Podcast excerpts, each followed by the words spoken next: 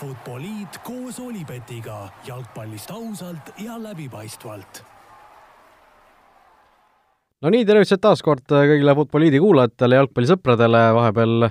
on siis meil kätte jõudnud veebruarikuu, vaikselt hakkavad tagasi tulema eurosarjad, aga enne seda on meil veel korralikult mängitud siin Premier League'i voore kaks tükki meie eelmisest saatest siis alates, nii et rääkida meil Inglise jalgpallist on küllalt, on meil suhteliselt täielikult sisuliselt Premier League'i saade täna, nii et et kõik Inglismaa jalgpallisõbrad saavad,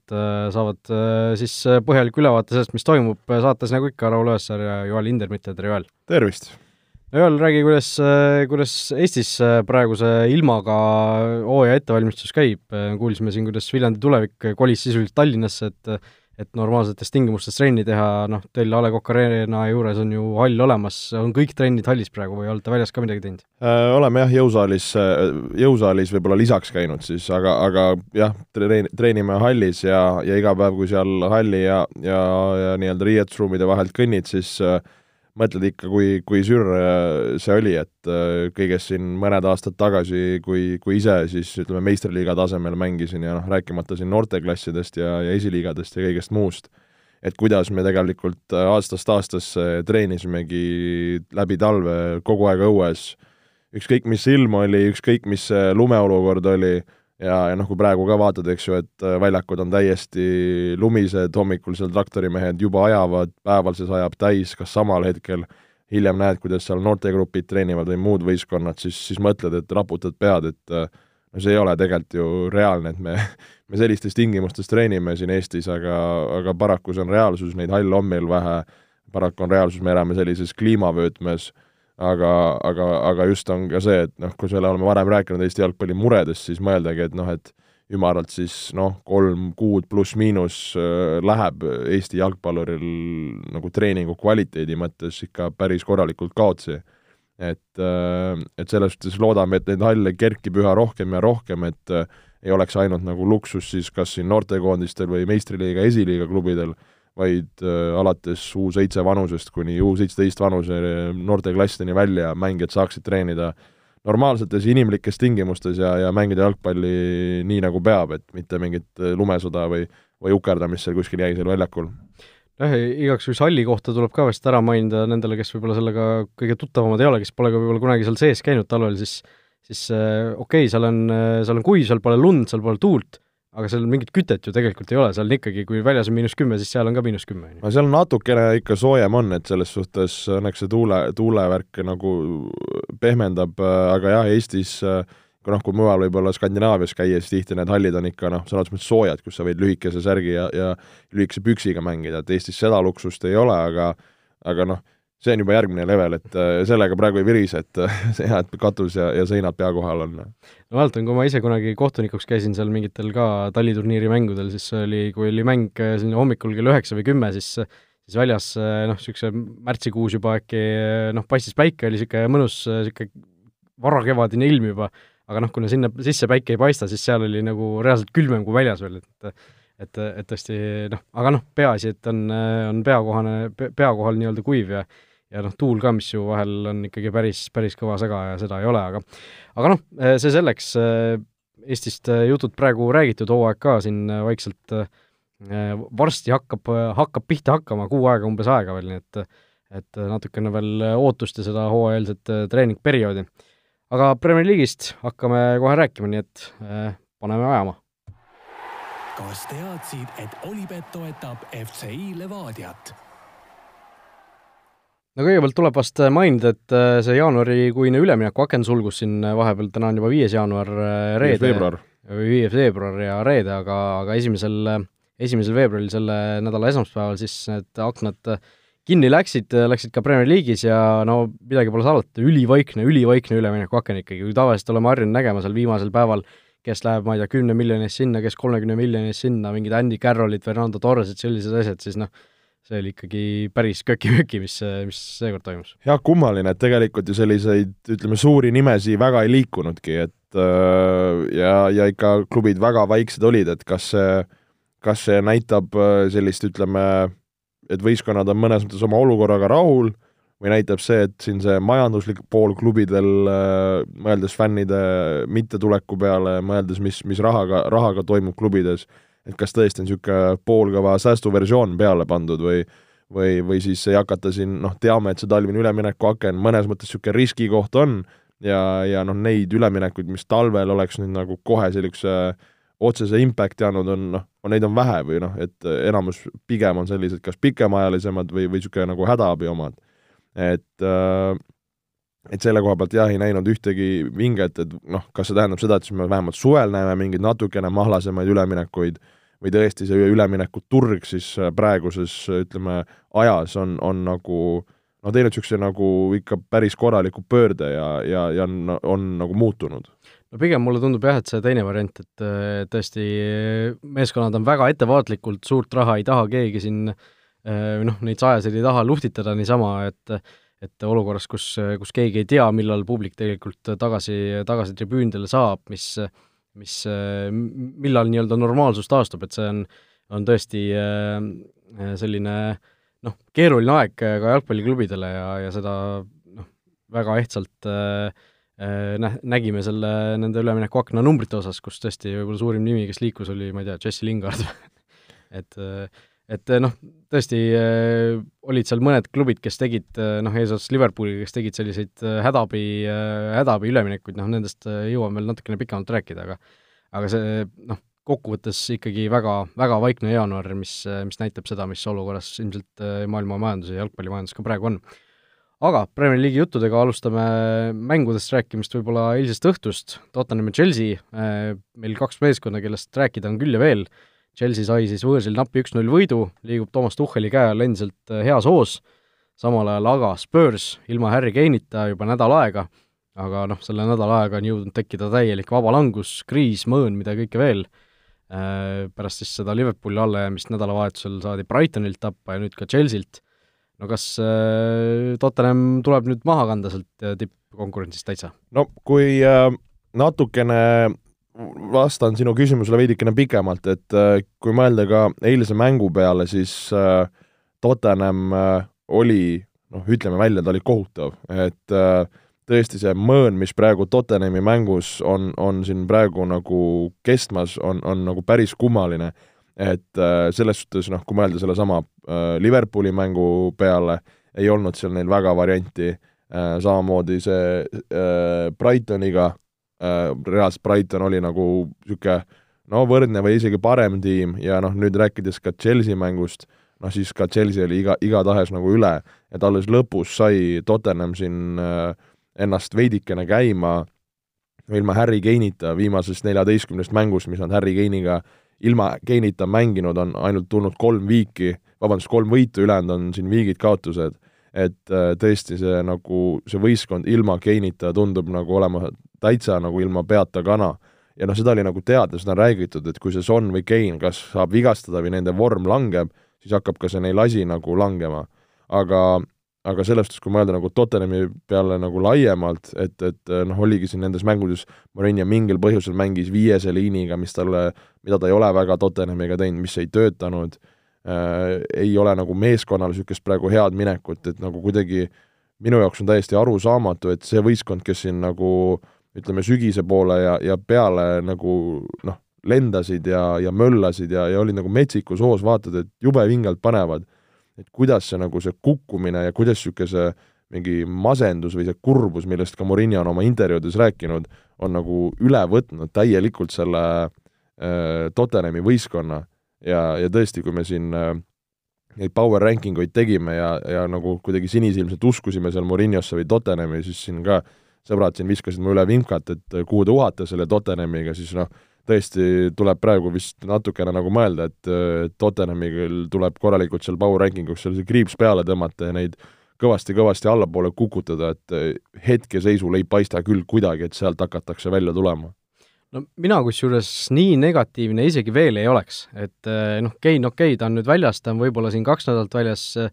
aga, ja noh, mingi hetk ta tuleb tagasi, mingi hetk tulevad tagasi Regulonid, teised mehed ja noh,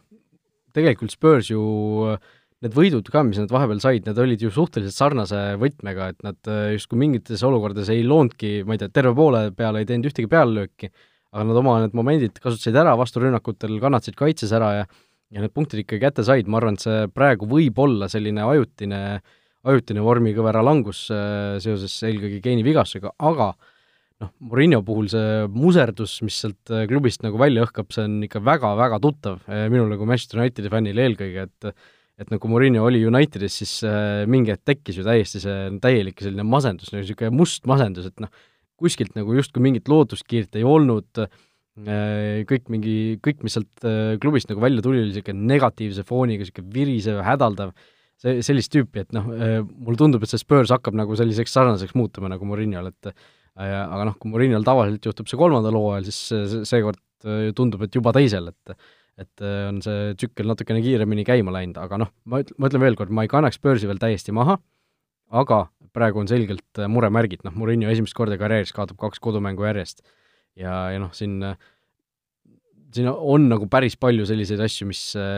mis lähevad Tottenhami kahjuks justkui, et kolm kaotust järjest praegu, esinelikust vahe juba siin seitse punkti, okei okay,, üks mäng vähem mängitud, aga ikkagi noh, niisugune õhuvahe on ikka selge sees. no on ja, ja no kui teised võistkonnad siin ka, eks ju, veidikene kõiguvad üles-alla, et noh, nagu me oleme näinud sel hooajal puhul seda palju, siis nagu nende teiste võistkondade kõikumises, et seal neid nagu neid rõõmsaid hetki nagu viimasel ajal on olnud natukene nagu rohkem, et praegu seda nagu Tottenhamil ei, ei paista kuskilt seda sära, noh, kui me lootsime, et siin äkki Garrett Bale hakkab midagi tegema, no siis noh, Murillo plaanidesse see mees noh, ei mahugi ja, ja tegelikult, kui ta siin nüüd äh, Brightoni vastu sai, sai äh, põhis alustada, mängis seal kas pool aeg, pool ajal juba äkki võeti välja või natukene hiljem, et äh, ega ta ka seal mitte midagi ei teinud, et siis nagu tekkiski küsimus, et kas seal on Mourinhoga mingid suusad risti jooksnud või nagu see Garrett Bale, keda, kes kunagi siis oli kõva mängumees, et nagu mõnes mõttes tekib nagu küsimus, et kas see, kas see veel on nagu olemas või milles asi on, et kas ta on oma kvaliteedis kannatanud, kas ta on oma tööeetikas äh, grammikese alla lasknud, et, et äh, nagu mingi niisugune nagu ütleme, müsteerium praegu seal nagu selle Bailey oleku osas ju, ju on, et sellest, et sul on nagu selline mees ja noh, ta põhimõtteliselt ei mängigi sul ega, ega ei, ega ei paku võistkonnale midagi. No eile oli ka ju eilses mängus seal äh, pärast hakkasid pildid ringlema, et kui Murillo tegi need esimesed kaks vahetust, tõi korraga sisse Lamela ja ja Lukas Moura, Lukas Moura, eks ju, siis äh, Bale oli seal taga, kes tegi seal sooja, noh, umbes äh, tegi facepalmi seal, naeris lihtsalt selle otsuse üle umbes ja noh, mulle tundub, et ta ei, nagu väga tõsiselt seda jalgpalli asja enam ei võta, kui Walesi koondise särk selga panna, võib-olla siis võtab, eks ju. ja aga, aga samas ma korraks vaidleks sulle vastu, et äh, kui sa oled noh, mänge vaadanud ja kui me oleme ka kommenteerinud, siis nagu alati iga vahetuse peale näidatakse Bale'i. Ja minu arust, kas oli Sky Sportsi stuudios ka, seal oli see Sones ja Redknapp läksid seal omavahel vaidlema et Suunes ütles ka, et et noh, et tema tahaks näha, et Bale oleks nagu niisugust viha täis või näitaks seda välja või tuleks mingi eh, oma kommentaariga midagi, ütleks intervjuudes, mis iganes, et noh, tekitaks niisuguse väikse nagu furoori, aga siis äh, see Redknapp vaidles vastu ka, et et mis sa tahad, et siis, kui see nagu Morinho teeb kaks vahetust, et siis Bale istub seal pingil, hakkab mingi rusikaga neid pinke peksma või nagu noh, mingit teatrit tegema. et nagu, et mis sa, mis sa teed siis, et võib-olla lihtsalt siis ongi naerad või mossitad, et seal on nagu režissöörid ka nimme on näha, kogu aeg otsivad seda Bale'i ja Bale'i, et jälle nagu no kõik ju tahavad teda no, tegelikult, eh, noh, kes ei tahaks, et Gerd Bale uuesti nagu hea mängija oleks tegelikult? noh, ta on ju tegelikult ju niisugune sümpaatne, positiivne ja noh, story mõttes küll, et tulla tagasi Tottenhami, aga, aga tõesti, et eh, mis nagu korra siin eh, ühe sõbraga ka arutasin Bale'i nagu olekut, et siis nagu kui sa mõtled, milline ta varasemalt oli, ta oli niisugune nagu väga töökas, energiline ja niisugune nagu noh, noh väljakul teda nagu oli palju, eks ju siis nagu, et ka nagu see Realisse ärakukkumine, okei okay,, seal oli nagu erinevaid põhjuseid, aga ka mänguliselt ta on nagu muutunud veits niisuguseks nagu laisaks või niisuguseks nagu veits nagu niisuguseks liigseks staariks, kas saab öelda või, või tee endale liiga, et sa ei näe ju, et ta nagu hullult ekspressi mingi süstiks, et nagu kaifib seal, lükkab, söödab, üritab, et nagu, ei ole seda nagu plahvatust, purtsu temas, et eh, noh, me ei ole näinud teda, et nagu praegu me ka veits niisugune nagu spekuleerime, aga ta ei ole ka midagi nagu näidanud, et me nagu arvaks, et see, et ta on veel mängumees nojah, tal on olnud ka, eks ju, palju vigastusi, ta on siin kolmkümmend täis vist juba, eks ju, et eh, noh, võib-olla see keha ka ei ole enam see, mis, mis oli, võib-olla see ka natukene veab teda juba alt, aga aga noh, ma, ma ei näe teda oma sisse, eks ju, me võib-olla noh, täiesti räägime siin eh, selle pealt, mis meile siin, ma ei tea, tuhandete kilomeetri kaugusele paistab, aga aga mulle on selline mulje jäänud, et võib-olla ta nagu noh, seda klubi jalgpalli, profijalgpalli enam äh, nii palju ei, noh, tal ei ole sellist nälga enam lihtsalt või võib-olla, mis tal noorena oli, et äh, tõusta maailma parimaks, tõusta maailma tippu, et ta on selle ju, selle tee nagu juba läbi teinud, ta on Walesi koondisega jõudnud EM-i poolfinaali, ta on ta nagu kõike, kõiki asju juba teinud, ta on meistrite liiga finaalis löönud noh, täiesti uskumatu värava, toonud seal meistrite liiga tiitleid, ta on Hispaania meistriks tulnud kindlasti vist Realiga mingi hetk, on ju. ja noh, okei okay,, Inglismaa meistriks ei ole tulnud, aga, aga nagu noh, tal on nagu kõik justkui sisuliselt ju saavutatud suures jalgpallis. No mõnes mõttes on, aga noh, siis võiksid pooled vennad ära lõpetada mängimise mingil hetkel nagu aga noh, kõigil võib-olla ei olegi see, sees seda noh jaa, ei ma saan su pointist aru jaa, et see, see võib olla teema, et võib-olla tõesti ta ei, ta ei ole enam nii, aga kuidagi nagu tahaks uskuda, et midagi on sellel mehel veel pakkuda, et see ei ole nagu ta päris viimane sõna, et see oleks natuke nadi, kui kui me juba hakkame nagu seda juttu tema, tema puhul rääkima aga noh, suhteliselt selge on ikkagi see, et äh, see ei ole nüüd ju, ma ei tea, Zinedine Zidani ja Jose Mourinho mingisugune vandenõu. jaa, just, et see, see, see näitabki seda, et see, see ei ole mingi vandenõu olnud, et seal, seal peab mingi taust olema ja, ja kindlasti nagu peab Bale ka seal väga, väga jõuliselt nagu peeglisse vaatama. ja noh, seda me oleme ise ka ju näinud, kui ta väljakul on olnud, sa ütlesid, just ütlesid ka, see Brightoni mäng, noh, ta ei pakkunud ju midagi väga, väga erilist seal ja noh, ühe värava vist on kirja saanud Premier League'is sel hooajal, aga aga noh, ei, ei midagi erilist täpselt, et, et see, see nii-öelda Kein, Son, Bale ründekolmik, mida me siin hooaja alguses lootsime sinisilmselt näha, et kus see hakkab paugutama, seda ei ole tegelikult, ei ole tegelikult tekkinudki äh,. aga räägime Chelsea'st ka natukene, kolm mängu Tuhheli käe all, kolm nullimängu, kaks võitu, üks viik äh,, kõik hästi? no kõik hästi esmapilgul, et selles suhtes äh, tulemused on, on tulnud äh, mida Tuhhel on toonud, kes võib-olla jälginud ei ole nii põhjalikult, on see, et on natukene siin nuppe ümber tõstnud, on natukene siin formatsioone muutnud, et äh, veidikene niisugust nagu Conte stiilis näeme, näeme niisugust viiest liini, äh, kus, kus on siis need tõusvad wingbackid, nagu nägime Conte ajal, näeme kolme keskkaitsjat, noh nüüd Diego Silva viimases mängus sai vigastada, aga näeme, et Marcus Alonso on sügavkülmikust välja võetud, siin on mänginud teise wingbacki koha peal nüüd mängis eile Reece James ja Hudson Odoi, keskväljal on niisugust kaks puhtalt kontrollivat ja siis mängitakse sellise, ütleme, kolme ülemise mängijaga, on selleks siis kaks ründajat ja üks niisugune number kümme positsioon, või on siis kaks niisugust number kümmet, kelleks eile olidki Mason Mount ja Hudson Odoi ja tipus oli Timo Werner. et äh, me oleme näinud nendes mängudes, et äh, et Chelsea on olnud väga selline domineeriv, väga liikuv, väga suurte jõududega ründav äh,, ja, ja see initsiatiiv on olnud puhtalt, puhtalt nagu nende käes. ja, ja selles suhtes noh, ka eile, kas esimese poolaja see pool possession oli seitsekümmend, kolmkümmend ja ja no näha oli, et nagu Chelsea kontrolli all oli ja kohe, kui pall kaotati, kohe tehti selline tugev jõuline press, et Tottenham ei suutnud nagu mitte midagi sinna üles võtta.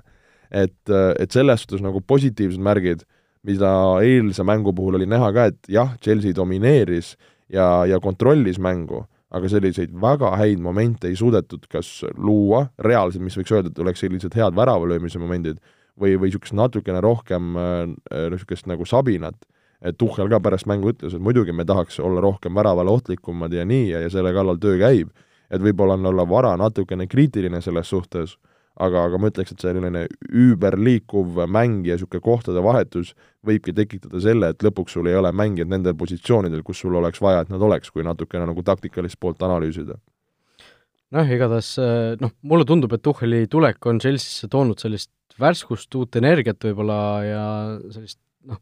mingil määral sellist struktureeritust, mida eks jah, struktureeritus, ma arvan, on õige sõna, aga kui sa nüüd noh, vara öelda siin kolme mängu pealt, et kas sa nagu näed, et see Chelsea võiks hakata siit noh, kus nad praegu meil on, eks ju, kuuendal kohal, kuuendal kohal, nagu jõulisemalt sinna ülespoole ronima, et äh, kui nagu ütleme, positiivne või skeptiline sa hetkel, lihtsalt nii-öelda hetkeseisul äh, Chelsea suhtes oled? praegu ma arvan, et nad on tugevam võistkond kui Manchester United, nad on tugevam võistkond kui Liverpool, nad ilmselt on tugevam võistkond kui Leicester, West Hamist rääkimata, et äh, noh, ma hoian ikkagi endiselt seda enda hooaja alguse ennustust äh, nii-öelda kuskil kuklas meeles, Man City, Chelsea, Liverpool esikolmik. et noh, praegu ma ütleks, et see Tuhheli tulek ja selline uus, uus hingamine Chelsea'l on nagu sellele ennustusele ka natukene jällegi sellist äh, mõnusat elu sisse puhunud, et vahepeal tundus, et Chelsea vajub ju täitsa sinna põhja ära, aga noh, praegu teise kohaga vahet kaheksa punkti, noh, sisuliselt poole hooaega veel minna, mine tea, noh, ma arvan, et see on täitsa tehtav jaa, täitsa tehtav, et noh, ma räägin, et kui nad hakkavad ka väravaid lööma, siis, siis on nagu asi nende jaoks öö, positiivne, et siin see esimene mäng ka, mis nad Wulvsiga mängisid, seal ka null-null, noh seal küll Wulvs jäi igatpidi ette neile ja ja tõrjus seal Patricio palli, aga aga jah, ma tahaks näha, et nad suudaks olla nagu vees resultatiivsed ja ohtlikud ja, ja siis see minu jaoks see positiivsus või entusiasm tuleb nagu sinna juurde. nojah, eile ka Tottenhami vastu ju tegelikult kogu mängu domineerida, aga ikkagi ainult üks värav penaltist ka ära lüüa, noh, penalti, mis oli täielik Erik Taieri kingitus tegelikult, eks ju. et see jah, see ründemäng on see, mis Chelsea'l vajab nüüd natukene noh, sellist korralikku realiseerijat vajab, mitte Timo Wernerit sinna ette või siis Timo Wernerit, kes oskab realiseerida, vajab sinna ette. just et noh, variante tegelikult on, Tammy Abraham, Oliver Giroux ja, ja teised, et Tuhhel saab seal korralikult roteerida, aga noh, liigume võtab võib-olla natuke nüüd ajas tagasi nädalavahetuse mängudest, siin võib-olla saame rääkida selle Arsenali ja Manchester Unitedi mängu natukene lahti, null-null seisul see mäng lõppes, kas oli selline tüüpiline kahe nii-öelda suure võistkonna kohtumine sel hooajal Premier League'is? No nagu me kombeks oleme näinud, et äh, kahjuks neid null-nulle ja eelkõige on United olnud just see võistkond, kes neid äh, suuri mänge on, on mänginud viiki, äh, noh, kui öelda, et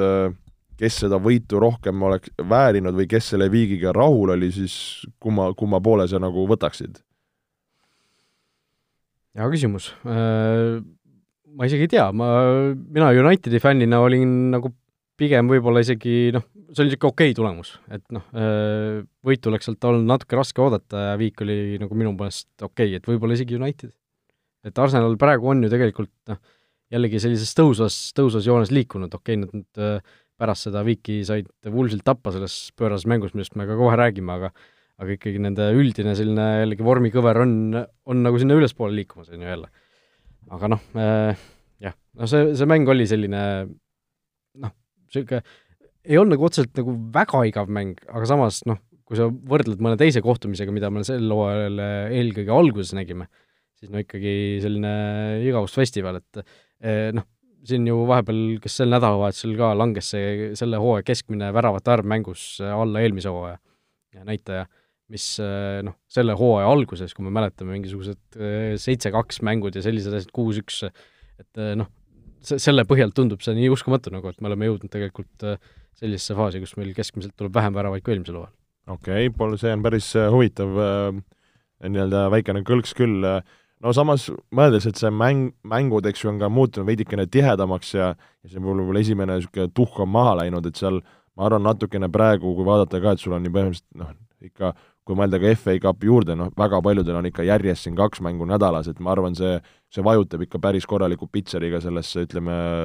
mängude graafikusse ja, ja ka võistkondade võib-olla koosseisudesse. just, ja nädalavahetusest võib-olla paari sõnaga Lester Leeds, üks-kolm, Leeds äh, jällegi näitas seda, et äh, noh, kui neil on hea päev, siis nad on, nad on äh, fantastiline võistkond, keda vaadata ja nad suudavad ka suuri võite, on ju, Lesterile selline haruldane kaotus võib-olla isegi vahepeal väga, väga stabiilselt nad on ju seal tipus tegelikult liikunud. Ja no Leeds on suuteline, aga, aga tegelikult see mäng oli ka pigem Lesteri kontrolli all, seal oli lihtsalt äh, väravad, mis mis seal Bamford äh, kätte sai, mis äh, nagu Leedsile selle ütleme, esimese vabastuse andsid ja, ja, ja siis, siis juba läks natukene nagu see lõpp seal äh, nende kätte, et, et tõesti niisugune nagu vinge mäng oli, aga no Bamfordi enda värav oli muidugi fantastika, on ju, et see niisugune löök sealt kõmm lati alla, et äh, noh, ainult võta välja siis. jaa, et aga, aga noh, Leeds siin ju äh, igal pool nagu tehakse nalja, et aa, et äh, oo, nii äge võistkond, nii äge võistkond ja küll nad on ikka tublid, aga et äh, noh, saavad siin päris korralikult lutti, aga samas suudavad vahepeal mingit, mingit tulemust tekitada, et ma arvan, niisugusele neutraalsele jalkasõbrale on nad nagu väga kihvtid Äh, Leedsi fännina isegi ei tea, mis, mis seisukohta nagu võtma no, peaks nagu no,. pigem ma arvan, et Leedsi fännid on ka ikkagi rahul praegu, sellepärast et see, see mängupilt, mida sa näed, need noh, need mängud on huvitavad vaadata. igatahes, igatahes. Need ei ole sellised Tottenhami asjad, mis noh, Tottenhamist on ka praegu saanud ju selline asi, et keegi ei taha, keegi ei taha neid mänge vaadata, sest nad on nii niisugused eh, noh, sellised vaimuvaesed kuidagi need mängud, aga Leedsi mängud on op-op, ühe väravalt teise alla, väravaid tuleb, võimalusi on palju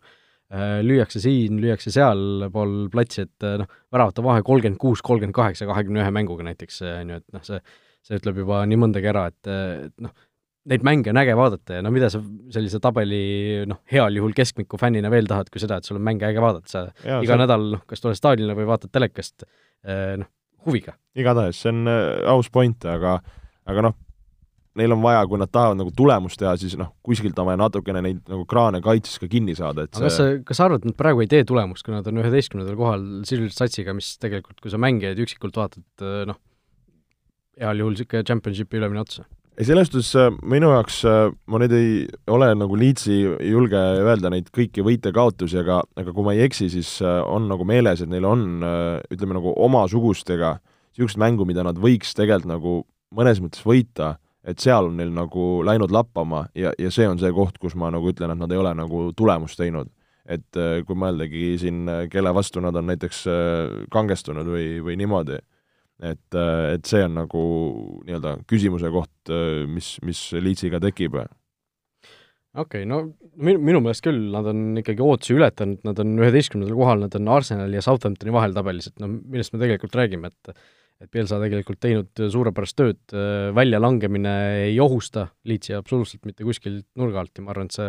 see praegune hooaeg on neil ikkagi väga, väga, väga hästi läinud ja nad peaksid väga rahul olema sellega, mis mida nad väljakul näevad ja mida nad ka tegelikult tabelis näevad, et selles suhtes ma ei, ei julgeks küll neid kuskilt otsast nüüd kritiseerida. aga noh, läheme edasi selle teisipäeva juurde, ehk siis selle viimase vooru juurde nüüd äh, ja see teisipäev oli üks äh, selline punane teisipäev, mitte, mitte vere valamise poolest, aga selline punaste kaartide poolest, sellepärast et et nii Arsenal kui Southampton siis kahes järjestikuses mängus mõlemad said kaks punast kaarti, Arsenal sai Woolsilt üks-kaks tappa, räägime sellest mängust kõigepealt, need punased kaardid, David Luiz seal avapoole lõpus, noh, üliväike puude tegelikult selja tagant vastu ründaja kanda, viis ründaja tasakaalust välja, penalti, kohtunikul ei jäänud midagi muud üle, kui punane kaart seal anda, päris paljud Arsenali fännid olid äh, pärast täiesti marus, kuidas sellise asja eest saab punast anda üldse, ma ei tea, ründaja meelega jättis, sirutas oma jala taha välja, et see kont-, kontakt sealt tekiks, mida kõike veel, no kas, kuidas sina, kui sa nägid seda olukorda, mis, mis sa sellest arvasid? no nutsin pisaraid, kui aga mitte Luis oli Fantasy's või? ei, selles suhtes, ma ei tea, kas ma olen sellest siin podcast'is varem rääkinud, aga ma olen äh, põhimõtteliselt täpselt samasuguse punase kaardi saanud mm.. ma sain selle mängu, selle punase kaardi U kakskümmend üks koondisest, kui me mängisime võõrsil väga-väga tugeva Taani koondisega, kus olid samad äh, Öibergid sees, oli Poulsen, kes mängib Leipzigis, et äh, oli sarnane olukord, et seal äh, kas oli äh, keskkaitse partner äh, tolles mängus Brent Lepistu, kes seal lõi pallist mööda kuidagi äh, ja ründaja pääses üks-ühele ja mina ajasin siis seda ründajat taga ja ma tegin täpselt samamoodi kõik, et äh, jumala eest mitte nagu viga teha, ma isegi vist nagu tõstsin käed üles, et, äh, et noh, et midagi ei juhtuks. ja, ja ka isegi, kui ma videost olen seda olukorda järgi vaadanud, et äh, ma ei saagi aru, et kas see ründaja meelega kuidagi koperdab äh, äh või teeb sellise nagu stopangu, et ta koperdaks, kas ma tõesti kuidagi õrnalt riivan ta jalgu, aga noh, tekkis sarnane moment, kus nagu tagant õrnalt jooksime jalad risti tema kukkus, noh, ma ei läinud sinna viga tegema, see oli nagu ma teadsin, ma ei tohi teha viga. ma tegin selle vea, ma sain äh, punase kaardi, see vist on mu äkki ainuke võib-olla keskkaitsjana yeah. üllatav fakt on ju. vist. Et, äh, et selles suhtes ja, ja, ja jäi, jäime nagu vähemusse. et äh, mis oli ka halb, et selles mängus tegelikult oli üks punane kaart ka veel meil, mis see, mis see lõppseis jäi seal? seda ei mäleta et läks päris hapuks sellepärast, aga aga et, et, et ma nagu tundsin seda Luisi valu ja tegelikult nagu Arsenal selles äh, äh, selle poolaeg mängis väga hästi ja nad täielikult kontrollisid ja nende mäng oli ja, ja siis see viimane rünnak, kus see Luis sinna jäi äh,, siis nagu karistati ära ja, ja sealt noh, juba, juba oli nagu eos raske, rääkimata sealt nagu sellest lõpust, kus, kus läks nagu täitsa käest ära. et nagu esmapilgul tundus, et see on puhas Arsenali mäng ja, ja, ja jääb ka Arsenali mänguks. aga need punased nagu selles suhtes äh, rikkusid, äh, rikkusid mängu ära täielikult no mina, noh, mina ei ole sellist punast kaarti saanud kordagi elus, minul nagu mingisuguseid äh, selliseid emotsioone ei tekkinud, minu meelest see oli täiesti õiglane punane kaart, sellepärast et noh, ründajana, kui sa lähed noh, või tähendab, mitte õiglane punane kaart, vaid selles suhtes, et reeg-, praeguste reeglite järgi see on õiglane. ja ma arvan, et need reeglid on ka õiglaselt tehtud, sellepärast et et noh, kui no see, oligi suur vaidlus selle üle, et äh, meil see topeltkaristus kaotati ära, eks ju, kui sa lähed kaitsjana palli mängima viimase mehena ja, ja teed vea, siis enam sa ei saa punast kaarti kastis, vaid äh, penalti ja kollane kaart, eks ju. aga Luisi puhul tuli punane kaart ja penalti, kuna ta ei läinud selles olukorras palli mängima. aga äh, ta ei läinud ka viga tegema, vaid see juhtus justkui kogemata, no ilmselt juhtuski kogemata, ma ei usu ka, et Luis läks seal meelega seda, seda puudet tegema, teades, et selle eest tuleb niikuinii penalti ja ja ilmselt ka punane kaart, et et selles suhtes ma ei usu, et see oleks pidanud olema kollane kaart, sellepärast et kui sellised asjad oleksid reeglitesse sisse kirjutatud, et kui, kui see viga juhtub kogemata, siis sa punast kaarti ei saa anda, siis noh, see avaks ju tegelikult ukse sellele, et kaitsjad noh, läheks, läheksidki julgelt jooksma sinna jalgadesse, teeksid näo, et kõik juhtus kogemata ja, ja jääksid noh, võtaksid rünnaku maha, kindla värava maha, annaksid penalti, saaksid ise kollase kaardi, mängiksid edasi, et ma arvan, et see on, see on õige, et sellist asjadest tuleb, tuleb punane kaart. Ei no ma mingis mõttes olen nõus, et see on nii-öelda kindla väravavõimaluse äravõtmine viimase mehena, et mõnes mõttes see on nagu punane kaart, aga samas, et nagu siis kaitsjana lähed sa nagu, oleks ta seal läinud seal mingi tagant spaaget laskma ja sõidab nagu täiega ei, jalga, siis aga, aga siis, siis sa üritadki palli mängida, eks ju? no jaa, et see ongi, et see siis kuskil äh,, kuulasin kuskilt äh, Briti podcast'i ka, siis seal nad samamoodi vaidlesid, et et noh, et mis, mis see siis on nagu, et kas sa lähed mängima, mismoodi, kas see on reaalne palli mängimine, et eks seal seda tõlgendusruumi on, aga, aga ma arvan, nagu suures pildis see topelt äh, nii-öelda karistuse nagu leevendamine on olnud igatahes väga nagu mõistlik ja nagu siin sellest, noh, ma arvan, see oli nagu punane kaart ka pigem õige, ükskõik kui valus see ka minu enda mälestustesse ja kui, kui ka David Luisile nagu ka ei tundu. nojah, no Arsenal sai teise punase kaardi selles mängus veel, Bernd Leno seitsmekümne teisel minutil tuli kassist välja ja, ja, ja tõesti üks viimase aja selliseid koomilisemaid punaseid kaarte, ma vist isegi noh, nii kõrgel tasemel Leno tegelikult noh, ta, ta sai aru, et on kassist väljas ja siis tegi justkui sellise liigutuse käega nagu nagu ei, ei, ei tahaks teistele näidata, et ma käega mängin, äkki keegi ei näe, et ma siin käega väikse nükke teen, aga noh, täiesti, täiesti jookses kokku, lihtsalt niisugune brain fart. no näeme, et isegi tipptasemel selliseid asju juhtub, et äh, üsna selline kentsakas tõesti see liigutus on, aga aga ei tea jah, kas noh, oli märg ilm ka, et seal veidikene võib-olla ei arvestanud seda lutsu, aga aga tõesti noh, Leeno tavaliselt selliste rumalustega nagu silma ei jää, aga, aga seekord jäi no Leeno punane kaart äh, selles suhtes tekitab tegelikult päris huvitava olukorra ka, sellepärast et Arsenalil nüüd järgmine mäng on laupäeval neliteist kolmkümmend Aston Villaga. Äh, ja noh, küsimus on see, kas Karl Hein saab esimest korda Premier League'is pingile. sellepärast, et äh, Runarsson, kes on nüüd Arsenali see teine väravaht olnud siin hooaja alguses, tema ju tuli siis sisse, kui Leeno punase kaardi sai,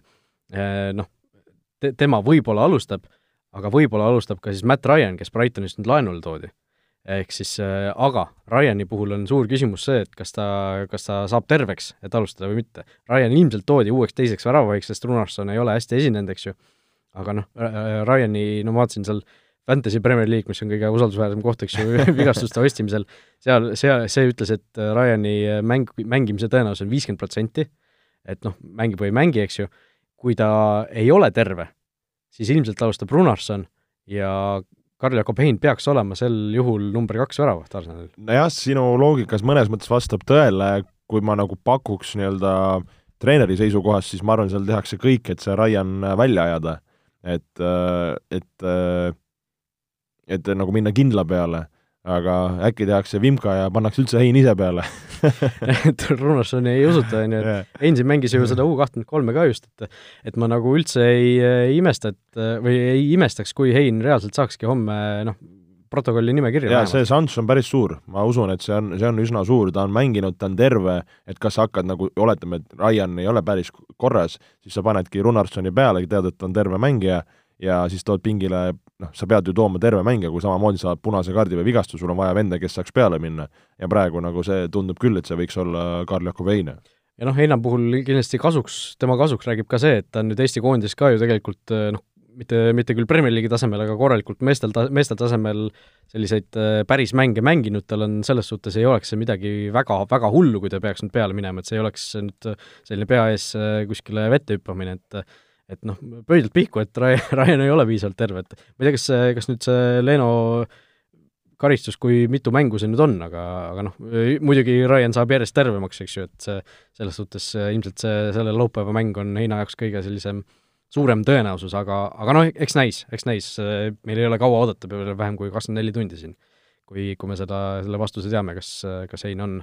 on pingil või mitte, igatahes äh, Arsenali seisukord ka nüüd äh, päris huvitav, aga samal päeval toimus siis teine mäng, kus samuti kahte punast kaarti ühele võistkonnale nägime, Southampton selle sai. Ja noh, seal mängu alguses kohe, seal teisel minutil Aleksandr Jankevitš, esimene mäng Premier League'is põhikoosseisus, ja no eks seda igal noorel mehel ilmselt võib niimoodi debüüdil juhtuda, et oled väga elevil, noh, saad esimest korda lõpuks sinna tõotatud maale ja siis ei suuda isegi kahte minutit kesta. No kes seda olukorda või taklangut äh, nägi, siis äh, ma ei mäletagi, millal ma viimati nii robustset äh, sissetulemist äh, nägin, et äh, oleks see, et näeme vahest need jõulised vead on siis, kui minnakse kas seal kuskile spaagesse või lahtise palli peale ja siis tullakse väga hirmsalt, aga pall on kuskil seal puusa kõrgusel ja siis äh, seesama noormängija tuli sellise väga kõrge ja sirge jalaga otse, siis ütleme äh, no vöö- või kubeme piirkonda, aga, aga tabas õnneks äh, siis äh, McDominate niisugust nagu re-, reie peal, niisugune väga kõrgel oli näha ka rei-, reie peal neid äh, korgijälgesi, et no nii hiljaks ja nii ohtlikult, et tõesti, kas see erutus ja, ja adrenaliin oli mehel nagu nii, nii kõva, et ei suutnud ennast üldse kontrollida. Ja noh, muidugi jätta juba teisel minutil seal oma, oma võistkond nagu kümnekesi, et see noh, see on vaimselt ikka nii, nii raske seal, sa tead, sa oled võõrsil ka ja nüüd sa pead terve mäng hakkama pusima, et jah, on igasuguseid asju kümnekesi tehtud, aga no see on äraütlemata raske ja ja kohe, kui Unitedil seal esimesel pool need väravad tulema hakkasid, noh, oli selge, et selle, see, see mängu, see mäng on läinud noh, see, noh, ma ütlen veel kord, et Jankevitš ilmselt oli, oli sedavõrd erutatud esimest korda äh,, debüüt, ja siis kahte minutit isegi ei suuda kesta, et et no tõesti, see no, Hasenütli reaktsioon võttis ka asja kokku, et noh, lihtsalt ta nägi ka, et seal ei ole isegi midagi vaielda, et noh, lihtsalt äh, pea käte vahel, et no mida me siis nüüd teeme, et kogu mängu ikkagi kümnekesi mängida, noh, pärast tuli välja, et kogu mängu ei pidanudki kümnekesi mängima, natuke sai üheksakesi ka äh, veel, et aga noh, see üheksa-null jällegi äh, Southampton teist korda siin juba sisuliselt aasta jooksul, eelmine kord eh, noh, natuke läks aega, aga tuldi sellest lõpuks ikkagi eh, hästi välja ja noh, praegu läks täpselt nii palju aega mööda, et sellest, sellest enam nii palju ei räägitud, et näe, mäletate, Southampton sai üheksa-null eelmine aasta Leicesterilt. aga nüüd saadi uuesti ja noh, eh, noh, ikkagi no kummaline on, kui üks võistkond saab aasta jooksul kaks korda null üheksa. no see üheksa on ikka äraütlemata palju, oleme ausad, et et noh, nagu ma ütlesin, see kümnekesi mängida seal nagu tu-, väga tugeva tiimi vastu on juba raske, rääkimata üheksa, et äh, noh, samas nagu minu jaoks oli üllatuslik, et see nagu esimene poolek, see lagunemine nagu nii nagu juba, juba kardinaalselt oli, et äh, et selles suhtes nagu Southampton ka võib-olla natuke nagu, ei saaks öelda nagu loobus, et noh, tuleb ka Unitedit kiita, et väga nagu niisuguselt äh, otsustavalt ja kliiniliselt ju lahendati, väga jõuliselt rünnati, oldi väga nagu agressiivsed, et tihti me näeme, et kui, kui võistkond on nagu ülekaalus, siis hakatakse veits niisugust nagu kõigutama ja kontrollima ja mängu tapma, et Unitedit äh, nagu tuleb kiita, et nad seda ei teinud, vaid nad andsid nagu kõvasti-kõvasti kuuma ja, ja sellega Southampton toime ei tulnud. jah, ja noh, see teine punane kaart ka, mis, mille siis sai Jan Bednarek äh,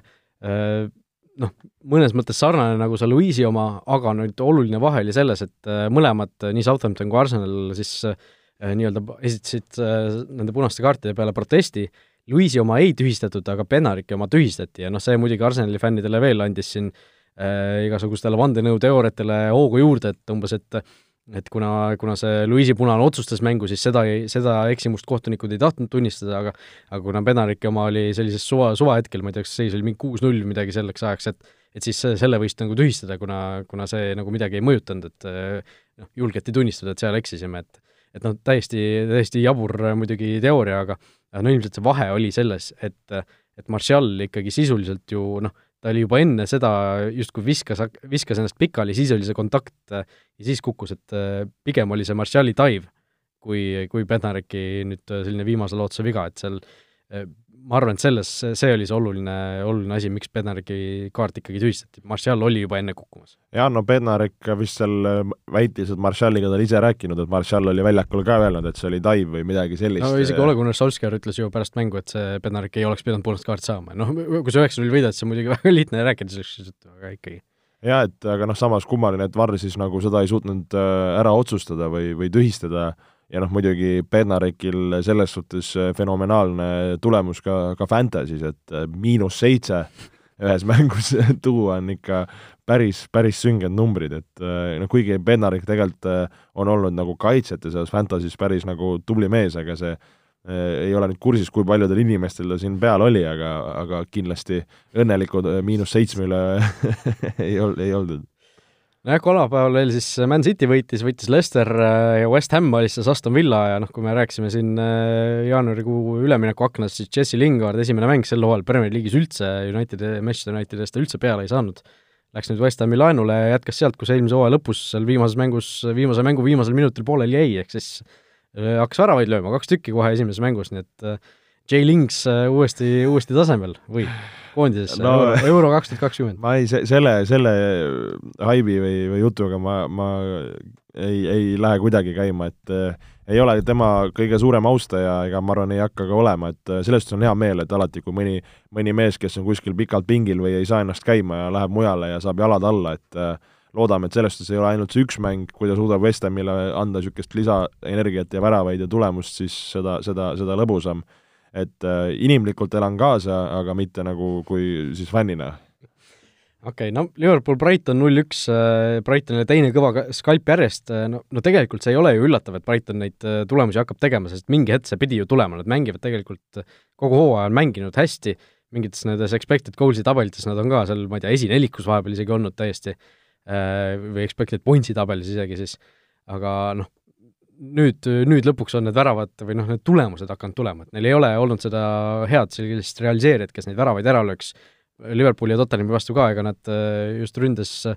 mingisugust äh, su-, super äh, pidu püsti ei pannud, aga noh, kaitses hoidsid nulli ja ees lõid ära ja sellest piisas, et Brighton tubli. no väga tubli, vaadates seda Liverpooli mängu ka, siis noh, Liverpool, jõuame nendest hiljem rääkida, aga aga nagu see mäng äh, ei saaks öelda, et noh, kuna Brighton ka võitis ja vaadates seda mängu, siis võibki öelda, et Brighton oligi parem tiim kogu, kogu mängu ja, ja nii reaalselt oligi. et mängiti palliga hästi, kaitses, see, kui nagu struktureeritult ja kui, kui tugevalt äh, Brighton mängib, et kui sa vaatadki nende keskkaitsed seal, Webster, Tank ja White, noh, need on sõna otseses mõttes kolm tanki, no kolm tanki, kes igale pallile viskavad ette, igat palli puhastavad, blokeerivad, möllavad et minul kui endise keskkaitsjana on nagu nauditav selliseid mänge ja partiisi vaadata ja tõesti hoidsid seal nagu võistkonda pinna peal. Ja ma ei tea, kas sa ise, Raul, seda nägid, aga seal on ju äh, selline mees äh, vasakul, äh, vasakus wingbackis mängimas kahemeetrine, kahemeetrine Dan Burn, siin on kuskil äh, Soccerways on meeter üheksakümmend kaheksa, aga väidetavalt kuskil pidi ka kaks meetrit olema. no korkidega, putsakorkidega. no see mees nagu, ta näeb välja nii naljakas ja nagu mingi võõrkeha seal väljakul, aga kus ta seal töötas, kuidas ta võitles seal, pani duelle ja tegelikult selle ju värava, mis Brighton lõi, tema põhimõtteliselt siis andis nagu peaga assisti seal, et Trent jättis ta äh, nagu markeerimata, aga, aga tõesti seal nagu väga-väga niisugune naljakas mees ja niisugune proper ing-, English niisugune jalkavend. mees, kes, mees, kes tegelikult peaks nagu olema keskkaitsja või? no jaa, aga see on nagu lihtsalt sa näed, kuidas ta selle suure sammuga hakkab sealt tulema mööda äärt, et et, et selles suhtes tõesti, ma arvan, paljude jaoks uus, uus lemmikmängija ja igatahes etem mees kui Jesse Lingard. okei okay, äh,, läheme edasi ja räägime vahepeal hoopis fantasy jalgpallist kas teadsid, et Olipet on Eesti spordiennustajate esimene valik? Futboliidi Fantasy liigas on äh, nüüd äh, siin vahepealse kahe vooru järel liidriks tõusnud äh, Joosep Toots võistkonnaga FC Messi, tuhat nelisada kolmkümmend kuus punkti, ainult ühe punktiga jääb maha siis Kaspar Onkel. Ja, ja siin kaheksa punktiga Andreas Härma Tõnu tuulepargiga võistkonnaga, nii et et see tabeli tipus võistlus on endiselt väga tihe Tanel Toomas Rikanson, kes meil siin pikalt on olnud liider, on langenud neljandaks ja jääb siin liidrist maha kahekümne viie punktiga. aga Joel, noh, kuidas sinul läheb, mina olen kolmekümne kolmas praegu, eh, olen siin tõsiselt langenud, ma veel tahan sellest pikemalt rääkida, aga kas sina nüüd äh... mängumeeste lehel veel ei ole? veel ei ole, veel ei ole. veel ei ole, kuigi ütleme nii, et minu võistkond on räsinud vigastused, et olen pidanud loobuma siin Harry Kane'ist olen pidanud loobuma siin äh, Jamie Wardist, Kevin De Brünist, äh, mehed, kes siin on mind kõvasti tassinud, tõin nende asemele siia Sterlingu ja, ja Madisoni, tõin tagasi Calvert Lewini, et et et ütleme nii, noh, nüüd olen ka mõelnud, et kas peaks Sonnist vabanema siin Tottenhami kehvade esitluste puhul, aga, aga ütleme nii, et ehitan, ehitan uut võistkonda praegu. Okei okay,, rebuild ühesõnaga. Rebuild, jah. Wildcardi ei ole kasutanud teist hooaega? see, no see mul ära tehtud juba, see mul okay, ära tehtud okay no minul äh, juhtus niimoodi, et selle eelmise vooru eel, ehk siis kahekümne äh, esimese game week'i eel tegin wildcardi ära äh,, mõtlesin, et okei okay,, mul on ka seal vigastustega oli probleeme, eks ju, Kein katki, seal paljud teised ka natukene sellised ei hakanud enam äh,, noh, ei tootnud enam, Manchester City mehi oli mul vaja ja mõtlesin, okei okay,, äh, tegin sellised liigutused, et tõin endale siis äh, Joao Cancelo, John Stonesi kaitsesse äh,, Saka tõin poolkaitsesse, Sterlingu tõin poolkaitsesse, Souceki tõin poolkaitsesse Harvey Barnesi tõin ja Sadio Mane, äh, kuna mulle tundus, et Salah hakkab vaikselt ära mõjuma ja Mane äkki, äkki hakkab sealt tulema uuesti, eks ju. ja ründasse tõin Lacazette'i, Antonio seal Keini ja, ja Bamfordi asemele siis. Noh, Bamford muidugi hakkas pärast seda lööma, on ju, aga noh, see ilmselt kandideerib läbi aegade ühe halvima wildcardi järgse nädala peale, sest kogu selle suurt, suurte üleminekute peale äh, täpselt see minu kolmik äh, Manchester Cityst, Cancelo, Sterling ja Stones said kõik puhkust see, see päev, Cancelo oli mul kapten ja kas oligi Sterling varukapten äkki? Äh, äh, ei, vabandust, Calvert Lewin oli varukapten. Te,, tema siis väravat ei löönud, kaks punkti lihtsalt duublisse, eks ju, Lacazette ei löönud väravat, Antonio ei löönud väravat, Socek äh, sai kollase kaardi, Harvey Barnes oli ainus, kes midagigi tegi aga kokku ma sain siis kakskümmend kolm punkti selle oi, oi, oi.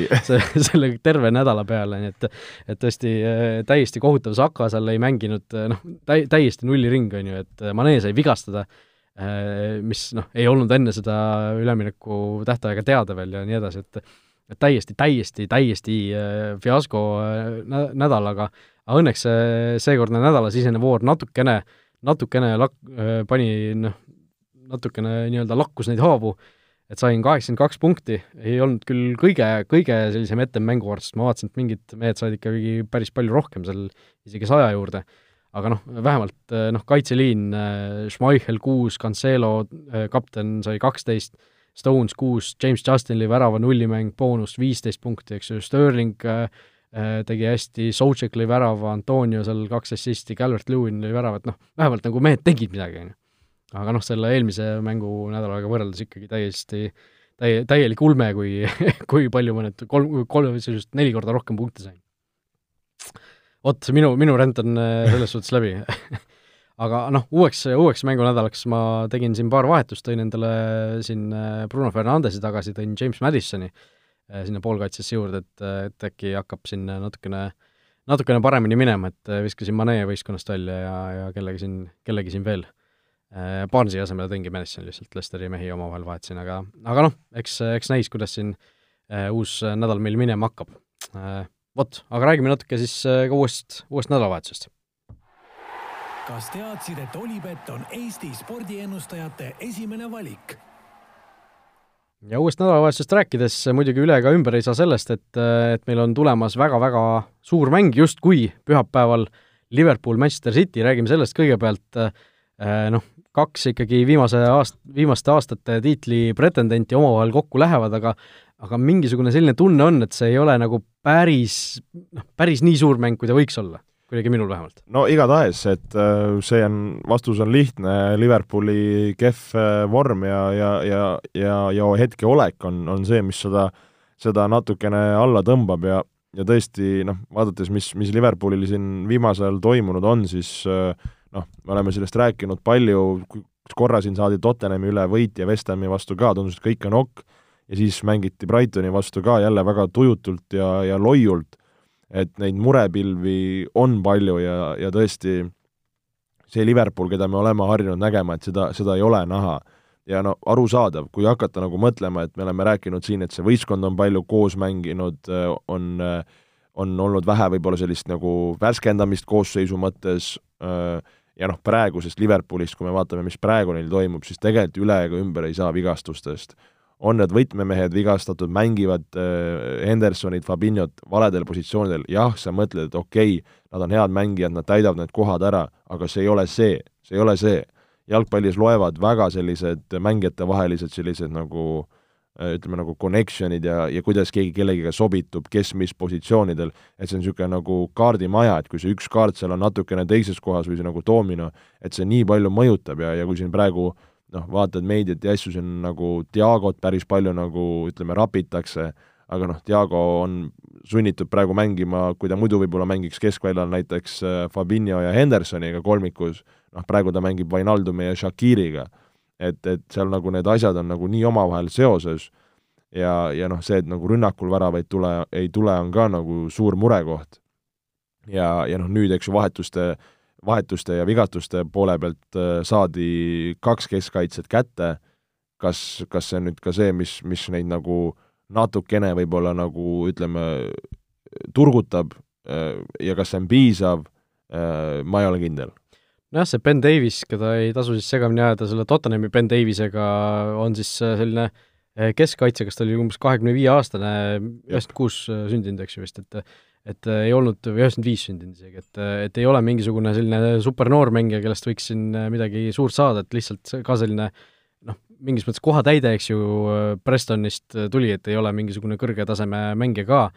ja Ozanga Pakk Schalkest siis Bundesliga viimasest võistkonnast toodi laenule endale kahekümneaastane vaid Türgi koondislane, et et see on, see on mees, kellest, kellel võib nagu tulevik olla ka Liverpoolis, et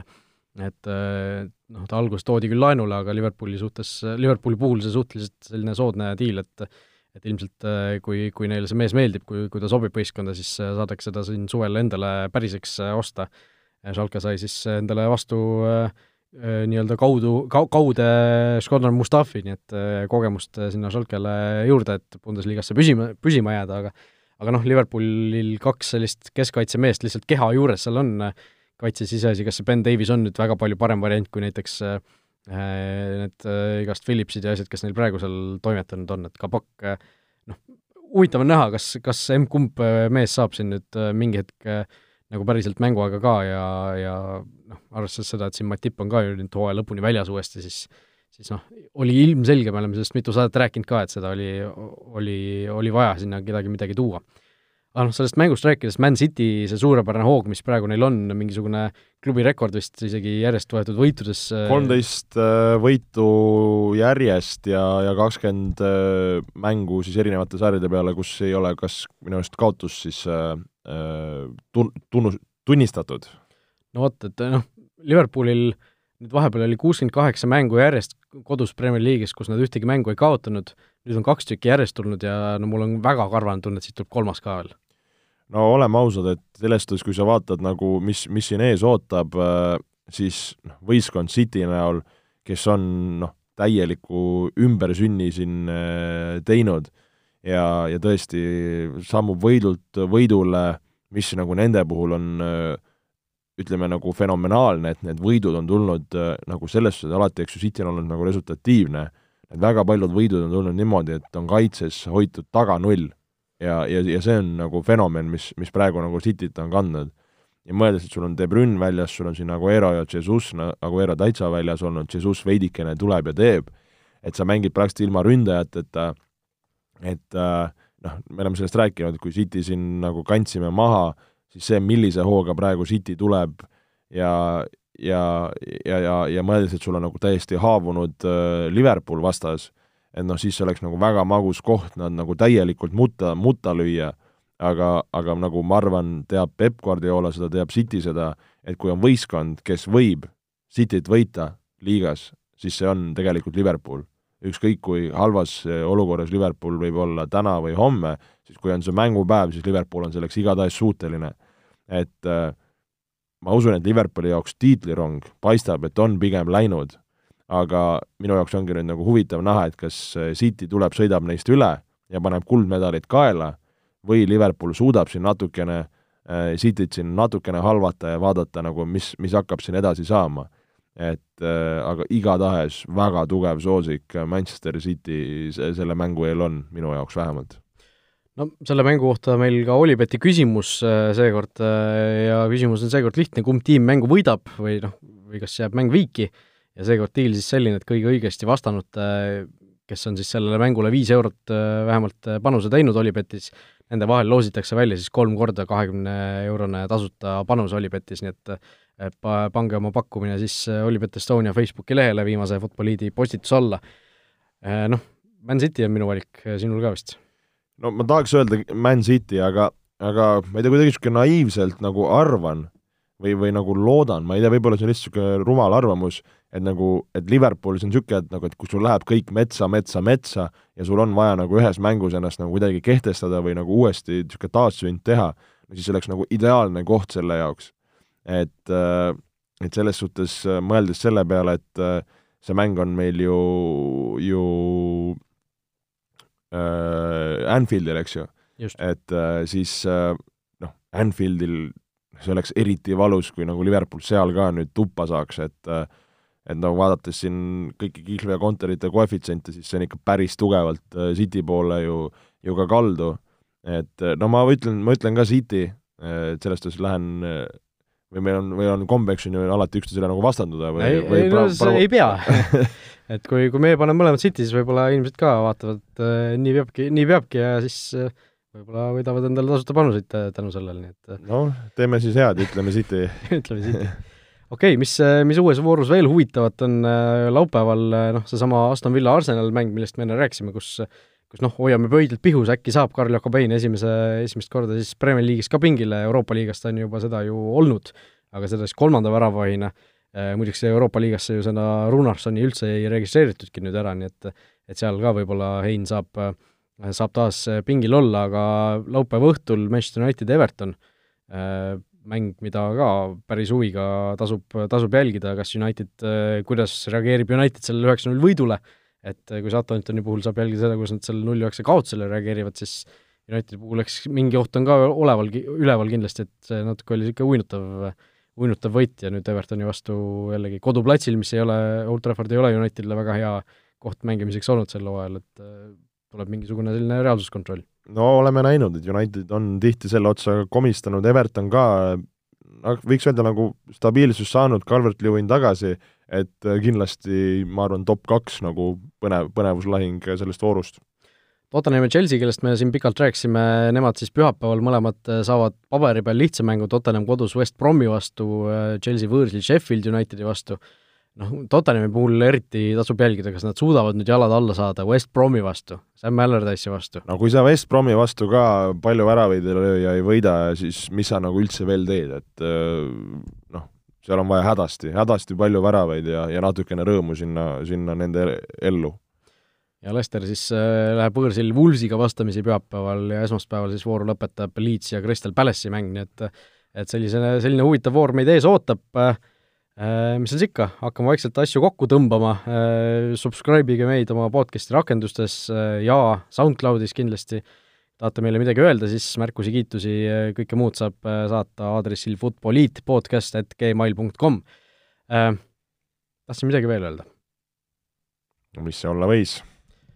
vot ei teagi. Aa, et järgmises saates ilmselt siis hakkame vaatama ette ka juba meistrite liigale, mis siin äh, vaikselt äh, naasma hakkab ja võib-olla teeme siis uue meistrite liiga sellise värskenduse sellele äh, Power Rankingsi tabelile, mis meil seni on siis alagrupi turniiri järgse seisuga. jah, ja loodame, et kõik mängud ikka toimuvad ja, ja võistkonnad saavad üksteisele külla reisida, kas siis äh, nii-öelda õigetesse riikidesse või, või neutraalsetesse pindadesse, nagu praegu siin väikene mure või ohukoht on vot nii, igatahes äh, aitäh kõigile kuulajatele, oleme tagasi juba uues saates. kõike head ja olge mõnusad! Vutiviikendi parimad kohvid leiad Olipetist